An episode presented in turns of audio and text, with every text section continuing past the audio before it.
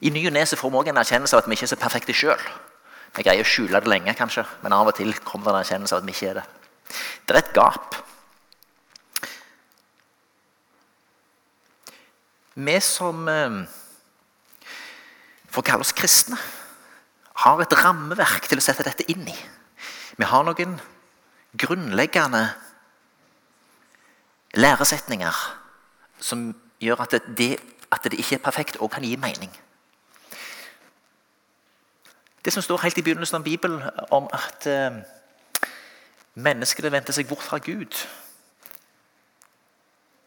var ulydige mot Gud og Guds vilje, slik at de ble ja, måtte ut av den perfekte tilstand som Gud hadde skapt dem til.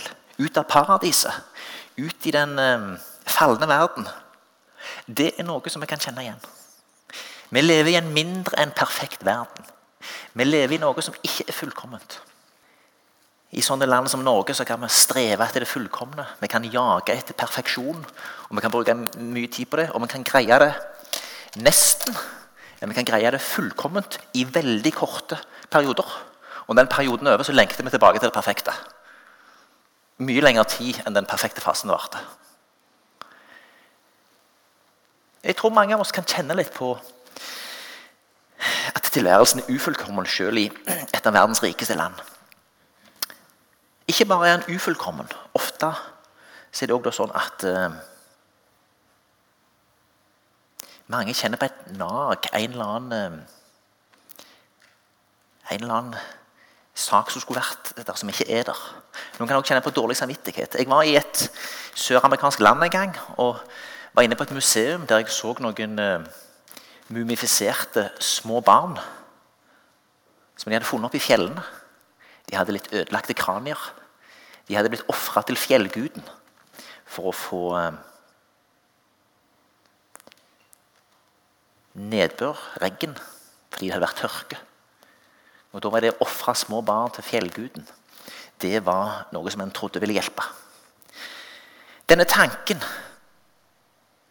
om at Gud krever et offer, den sitter veldig dypt der han sitter minst dypt, det er typisk i samfunn som har vært kristne, men som har vendt seg bort fra Gud. Der ser det ut for at eh, Gud på et vis er helt av radaren. Utfordringen vi møter i vårt samfunn, er at folk fyller seg med sitt jag etter det ufullkomne, eller jag etter det fullkomne. Så fyller de seg med alt annet og kjenner ikke lenger Gud. Kjenner sågar ikke noe ansvar for ham. Men i veldig mange kulturer så er det å please åndene, please Gud, det å gjøre bot, det å gjøre et eller annet for å være god nok, det er veldig viktig. Og da er vi på dette her med offer. Veldig mange sammenhenger så ofres det mye. Enormt med offer. Enten det er konkrete ting du skal gjøre, eller konkrete ting som skal ofres. Vi møter i Bibelen veldig tidlig tanken om offer. Etter syndefallet, etter at Adam og Eva har kommet ut av paradis, så får de barn. Adam levde med sin hustru Eva. Første Mosebok kapittel 4, fra vers 1. Adam levde sammen med sin hustru Eva. Hun ble med barn og fødte Kain. Da sa hun, 'Jeg har fått en gutt av Herren.' Siden fødte hun Abel, hans bror. Abel ble sauegjeter, Kain ble jordbruker. Det var gått en tid, hendte det at Kain bar fram for Herren et offer av merkens grøde. Abel bar også fram offer.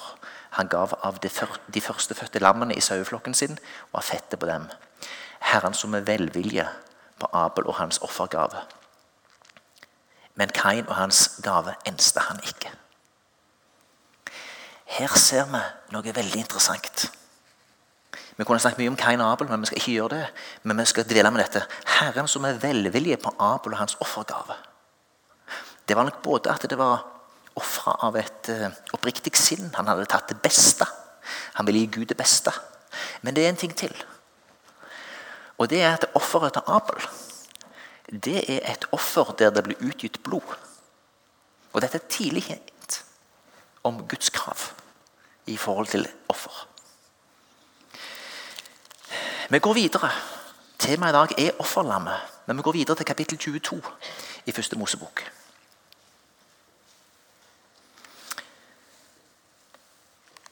Det er beretningen om eh, Gud som setter Abraham på prøve.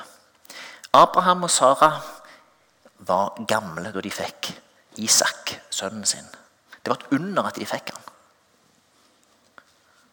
Jeg kan tenke meg at Når du har fått et barn på dine eldre dager, vært barnløs og så fått barn, da må du være utrolig glad i det barnet.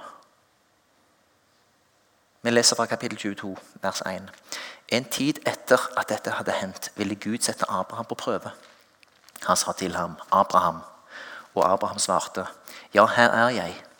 Da sa han, 'Ta Isak, din eneste sønn, som du er så glad i, og dra til Moria-landet.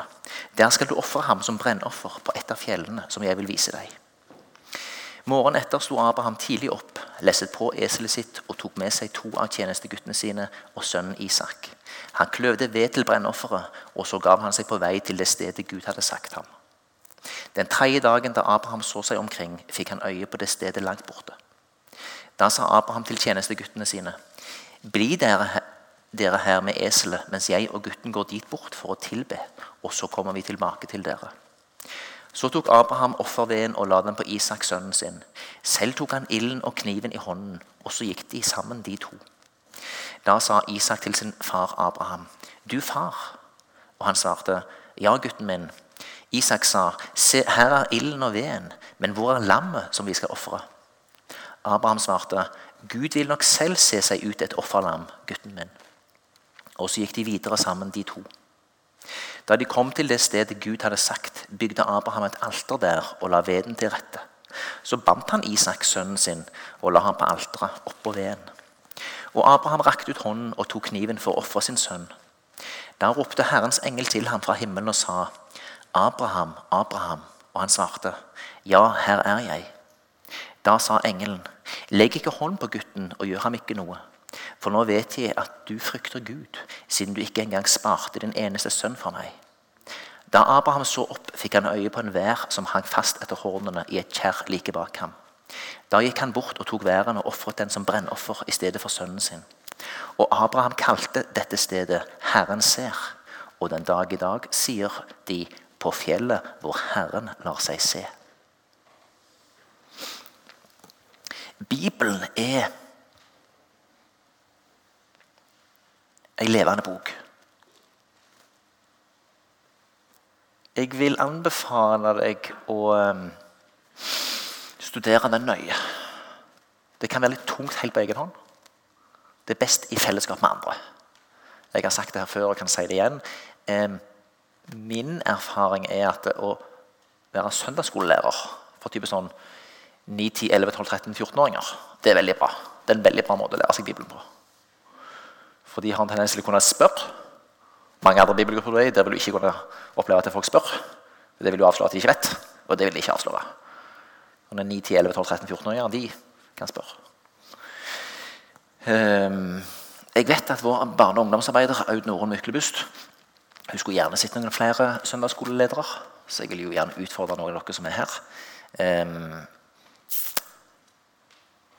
Hvis dere ønsker å gå inn i en tjeneste, så vet jeg at det er ledige roller i søndagsskolen. Eh, enklest er nok de der 9-13-åringene. Da lærer du veldig mye sjøl. Og, og, det er en veldig sånn håndterlig grei masse. Jeg passer veldig greit sammen med de. Eh, det skyldes at jeg ikke har så mye tålmodighet. Du må ha litt mer tålmodighet med de yngre. Hvis det er noen her som er tålmodige i tillegg, så kan dere la seg stige opp i gradene og jobbe med de yngre. Um, men, men, jeg anbefaler dere å være i søndagsskolen. Det er utrolig lærerikt, og du erfarer virkelig at Bibelen er en levende bok i møte med med ungene.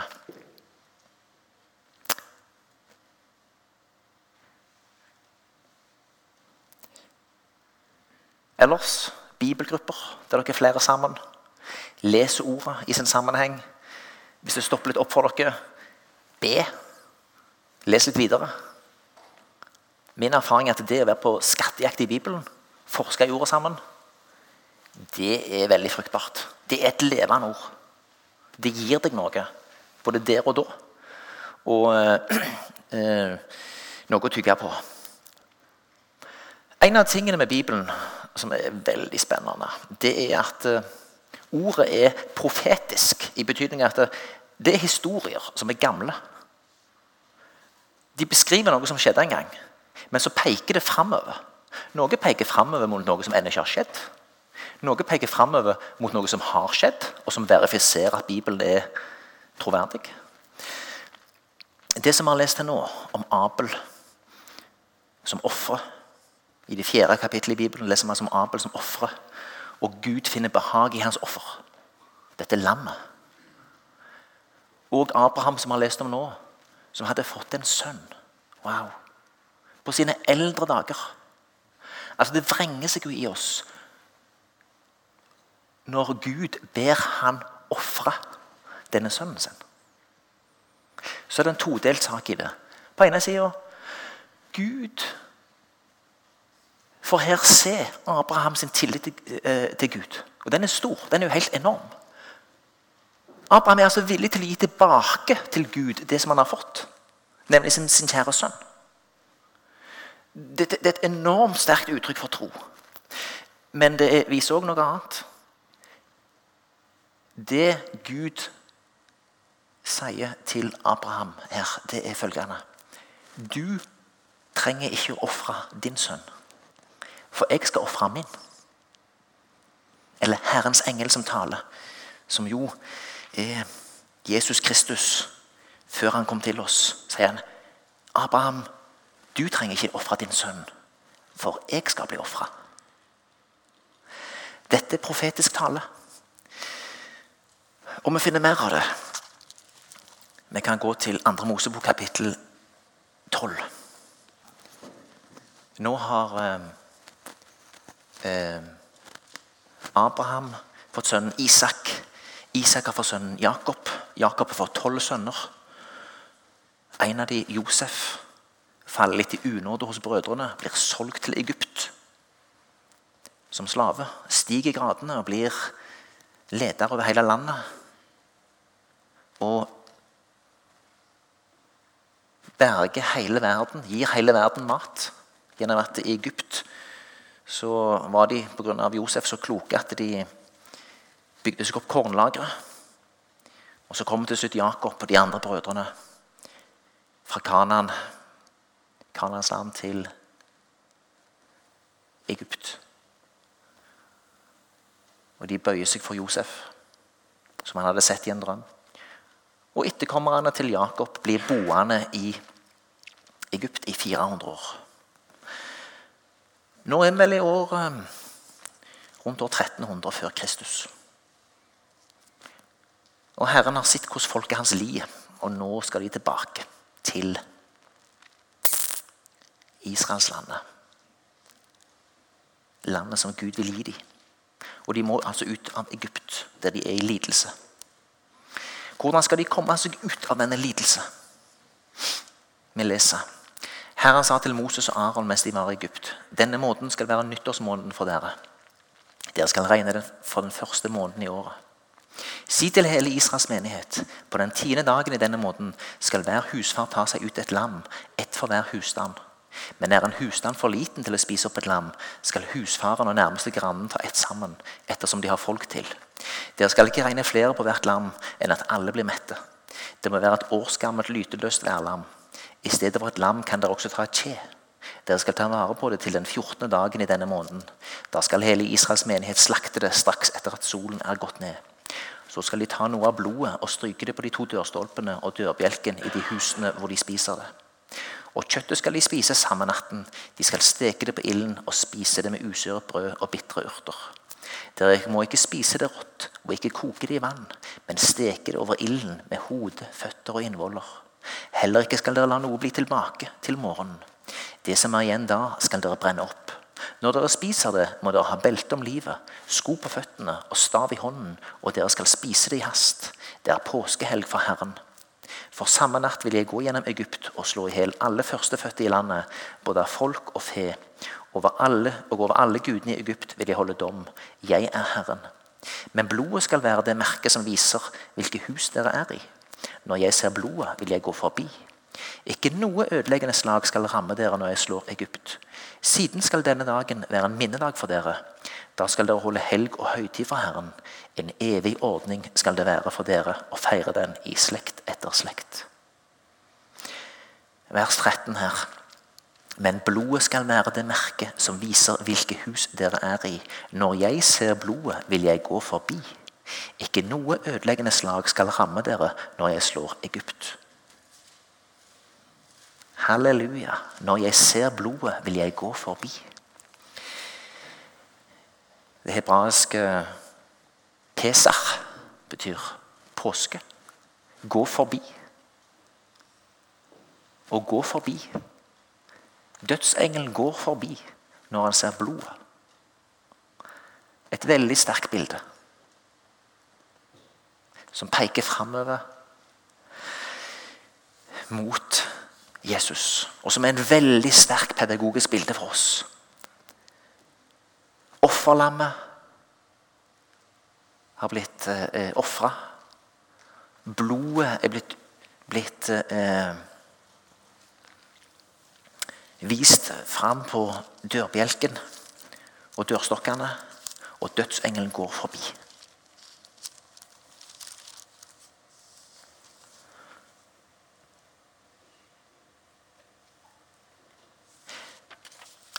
Så eh, går det en stund, og så har de jo altså kommet ut i ørkenen. Og der, på ørkenvandringen, så oppretter jo Gud en eh, ordning der de skal ofre. Det er det daglige offer, det er den store forsoningsdagen. Det er flere offer. Eh, og dette må de gjøre for å kunne tre fram for Herren. For eh, der sier da Gud til Moses. Der vil jeg møte deg. Han vil møte han der.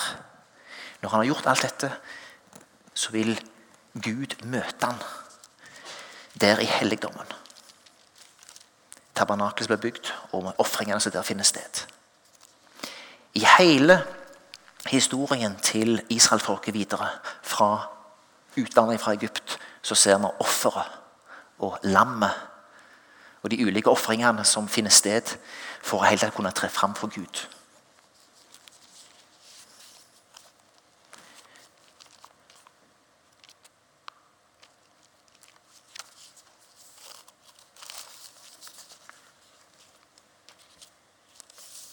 Abraham sier til sønnen sin Gud vil nok selv se seg ut et offerlam, gutten min så har vi da 1300 år fra utlandet til Egypt til Jesus kommer. Og I disse 1300 år så har Guds folk en en eh, ordning med å ofre for å kunne tre fram for Gud.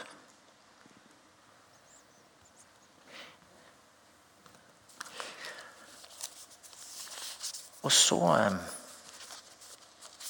kan vi lese et nytt profetisk budskap. David, den store kongen. Salme 40, vers 1-9. Jeg ventet og håpet på Herren. Han bøyde seg til meg og hørte mitt rop. Han dro meg opp av fordervelsens grav, opp av den dype gjørmen.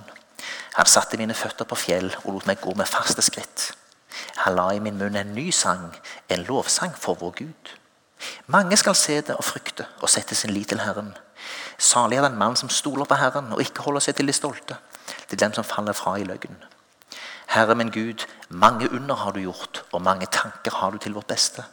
Ingen kan måle seg med deg. Vil jeg tale og fortelle om dem, er de så mange at de ikke kan telles. Slaktoffer og gave bryr du deg ikke om. Du har åpnet mitt øre. Brennoffer og syndoffer krever du ikke. Da sa jeg, se, her kommer jeg.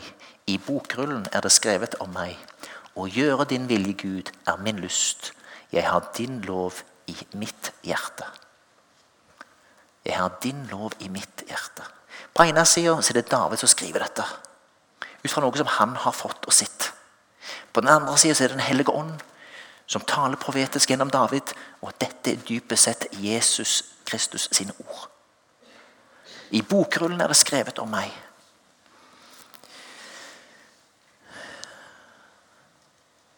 Se, her kommer jeg.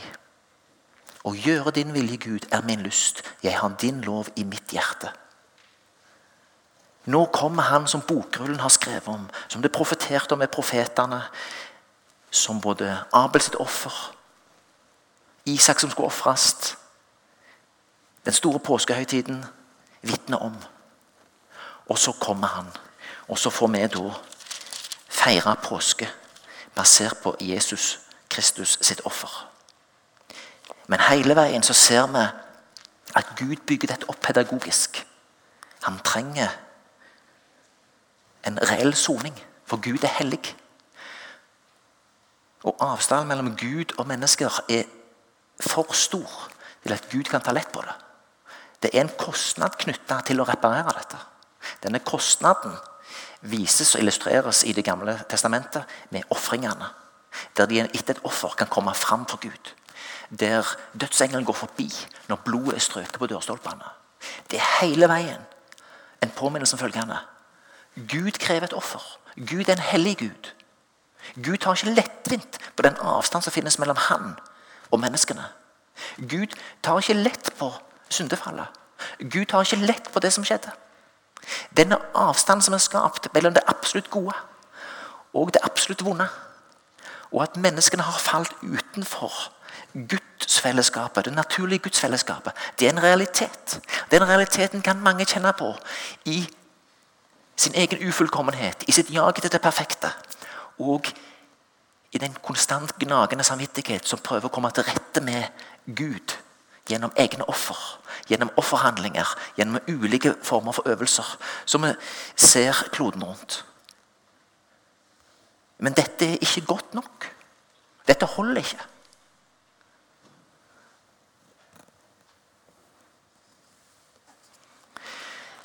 Vi går til Hebreabrevet kapittel 10.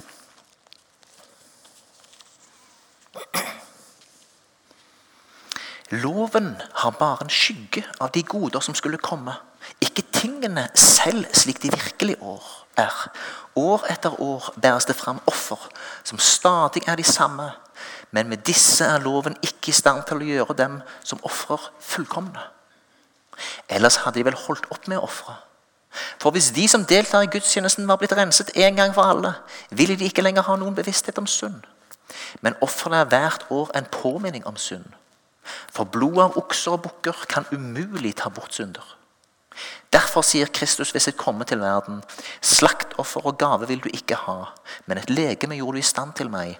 Brennoffer og syndoffer brydde du deg ikke om. Da sa jeg, se her kommer jeg for å gjøre din vilje, Gud. I bokrullen er det skrevet om meg.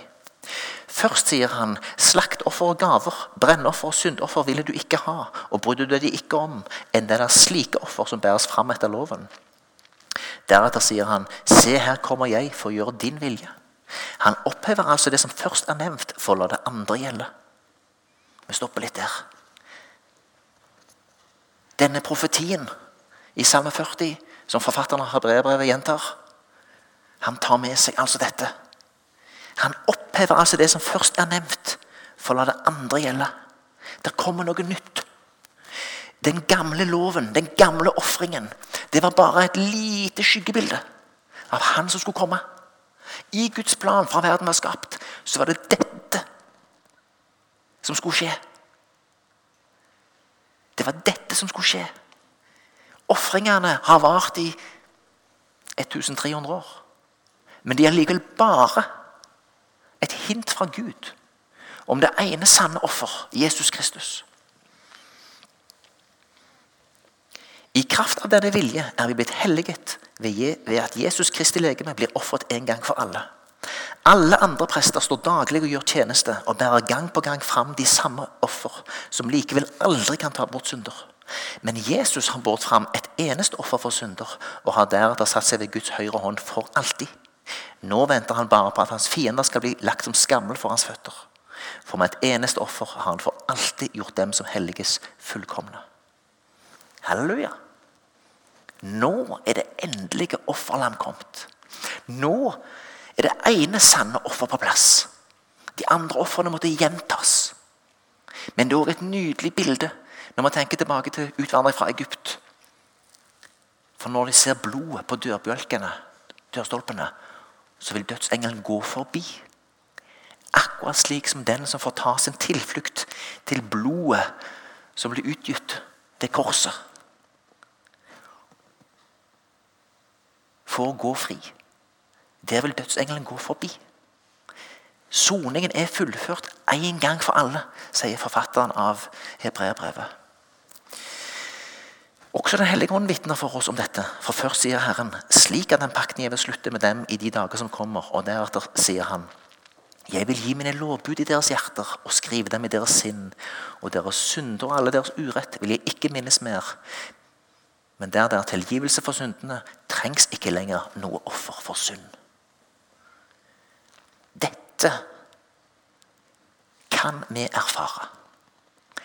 For den som får komme inn i det fortrolige nådefellesskap med Jesus Kristus, kan regne seg som rettferdig og ha god samvittighet overfor Gud og mennesker.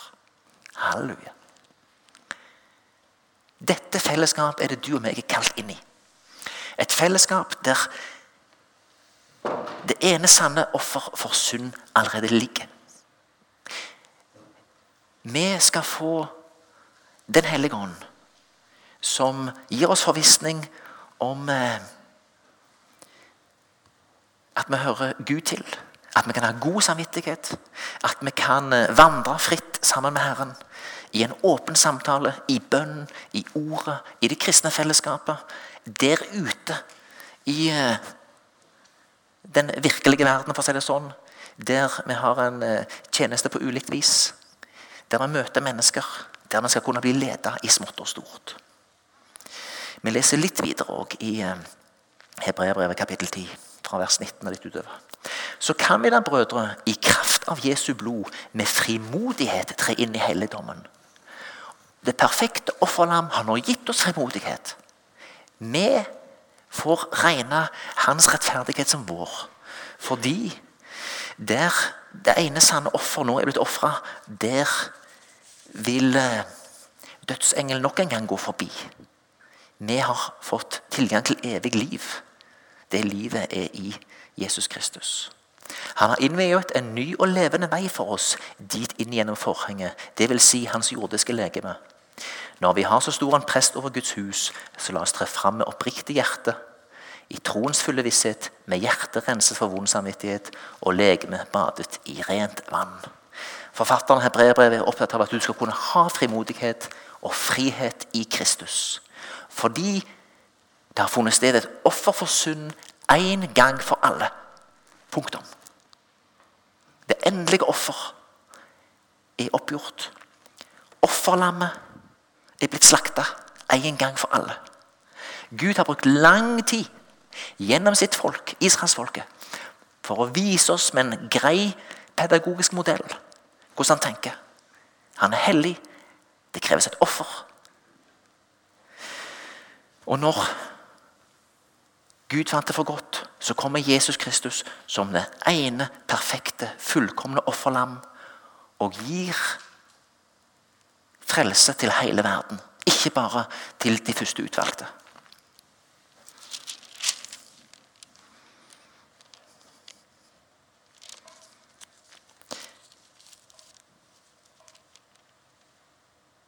Vi leser litt til i kapittel 9 i Hebreabrevet, fra vers 11. Men Kristus er kommet som øverste prest for de frelsesgoder som vi nå har. Han har gått gjennom det teltet som er større og mer fullkomment, og som ikke er laget av menneskehånd, dvs. Si, som ikke hører denne skapte verden til. Ikke med blod av bukker og kalver, men med sitt eget blod gikk han inn i helligdommen en gang for alle, og således vant han en evig forløsning. Riktignok er det slik at blod av bukker og okser gjør hellig og ren i det ytre. Likeså vann med asken av en kvige når det blir stenket på den som er blitt urene. Hvor mye mer skal da ikke Kristi blod rense vår samvittighet fra døde gjerninger, så vi kan tjene den levende Gud? Kristus har jo i kraft av en evig ånd båret seg selv fram som et lyteløst offer for Gud.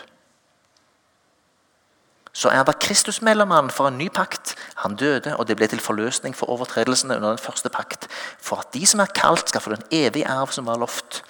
Det er med pakten som med testamentet. Det må godtgjøres at den som har opprettet det, er død.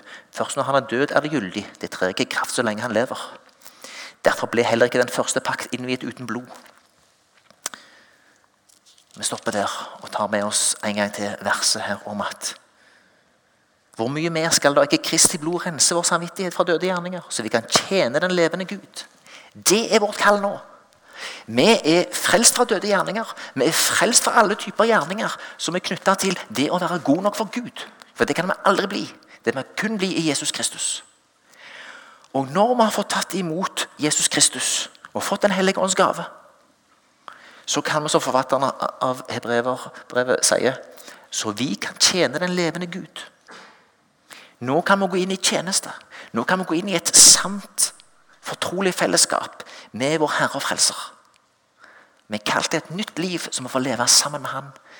I trygg forvissning om at offerlammet en gang for alle er slakta.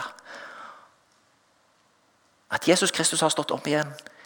At han har sendt oss sin Hellige Ånd. Og at vi får leve ved han, ved hans kraft, fra hans oppstandelse. Og at det han har gjort, er fullkomment, og at vi har en åpen adgang til Gud. Det kom til en enorm kostnad. Vi går tilbake til Abraham.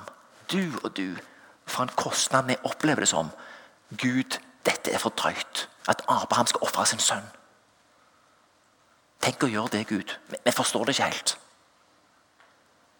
Men vi syns altså det er for drøyt at Gud, at Abraham skal ofre sin sønn. At Gud krever det av ham. Ja vel, hva syns vi da om at Gud ofrer sin sønn for oss? Det er dette Gud her viser oss. Det som vi oppfatter til å være for drøyt, det gjorde Gud. Det som vi ikke aksepterer å kunne gjøre, det gjorde han. Det som vi syns er håpløst, det går han inn i. Jesus Kristus tar på seg denne enorme smerten, den enorme kostnaden for all verdens synd. Det er konkret smerten ved å ha blitt et menneske, smerten ved å ha blitt et lidende menneske, og det er smerten ved å få erfare hele Guds vrede på seg for all verdens synd. En enorm kostnad. Men han overvant døden. Og tilbake til Salme 40. Han var altså en, en lydig tjener som var villig til å gå Herrens veier. Han var villig til å gjøre det som skulle til.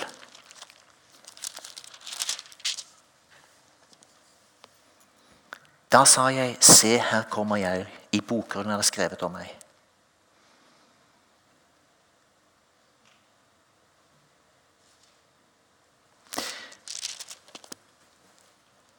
Det at vi har fått del i denne frelsen det at Kristus tok på seg kostnaden for oss og har satt oss fri, det gir oss en grunnleggende frihet i alle relasjoner. Vi får lov til å være Guds medarbeidere. Ved Hans ånd blir vi ledet. Vi kan møte mennesker. Vi kan møte mennesker med et åpent sinn. Av og til får vi en tilskyndelse, en minnelse. Eller som noen vil si Herren åpenbarte for seg noe du skulle gjøre eller ikke gjøre. Andre ganger så eh, er det ikke så åpenbart, og du sukker og ber litt og ber om visdom og spør om råd med andre fortrolige.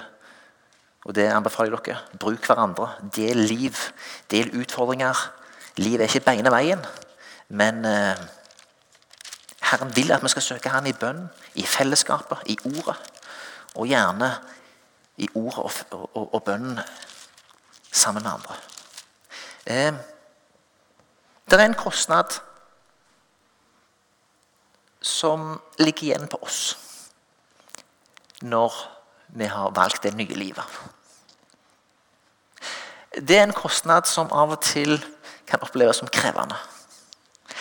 Det er den kostnaden at hvis Jesus Kristus har dødd for deg, og hvis Gud har tilgitt deg dine synder, så skylder vi altså òg å forlate syndene til de andre. Ikke holde det og ikke bruke det mot dem. Dette kan være krevende. Dette må du be om visdom til, dette må du be om Den hellige ånds ledelse til, å kunne slippe noe. Her eh, kan vi ha uh, noe noen hver. Jeg har mitt, du kan ha ditt. Det kan være ting som er så tunge og vanskelige at det er vanskelig å slippe det. Men vi blir oppfordret til å gjøre det. 1. Johannes brev, kapittel 4, vers 13. Unnskyld, vers 11 og 12. Mine kjære, har Gud elsket oss slik, da skylder også vi å elske hverandre. Ingen har noen gang sett Gud, men dersom vi elsker hverandre, blir Gud i oss, og hans kjærlighet er fullendt i oss. Mine kjære, har Gud elsket oss slik, da skylder også vi å elske hverandre. Her må en òg være vis. Ehm, dette kan misbrukes. Noen kan forlange litt nåde og tilgivelse av deg uten sjøl å være sanne og ønske sant oppgjør. Den type manipulering skal du ikke bøye deg for. Samtidig så ligger det en forpliktelse både i det Jesus Kristus har gjort, konkret i, fra dette ordet i 1. Johannes. Dersom det er slik at uh, Gud har elsket oss, da skylder også vi å elske hverandre.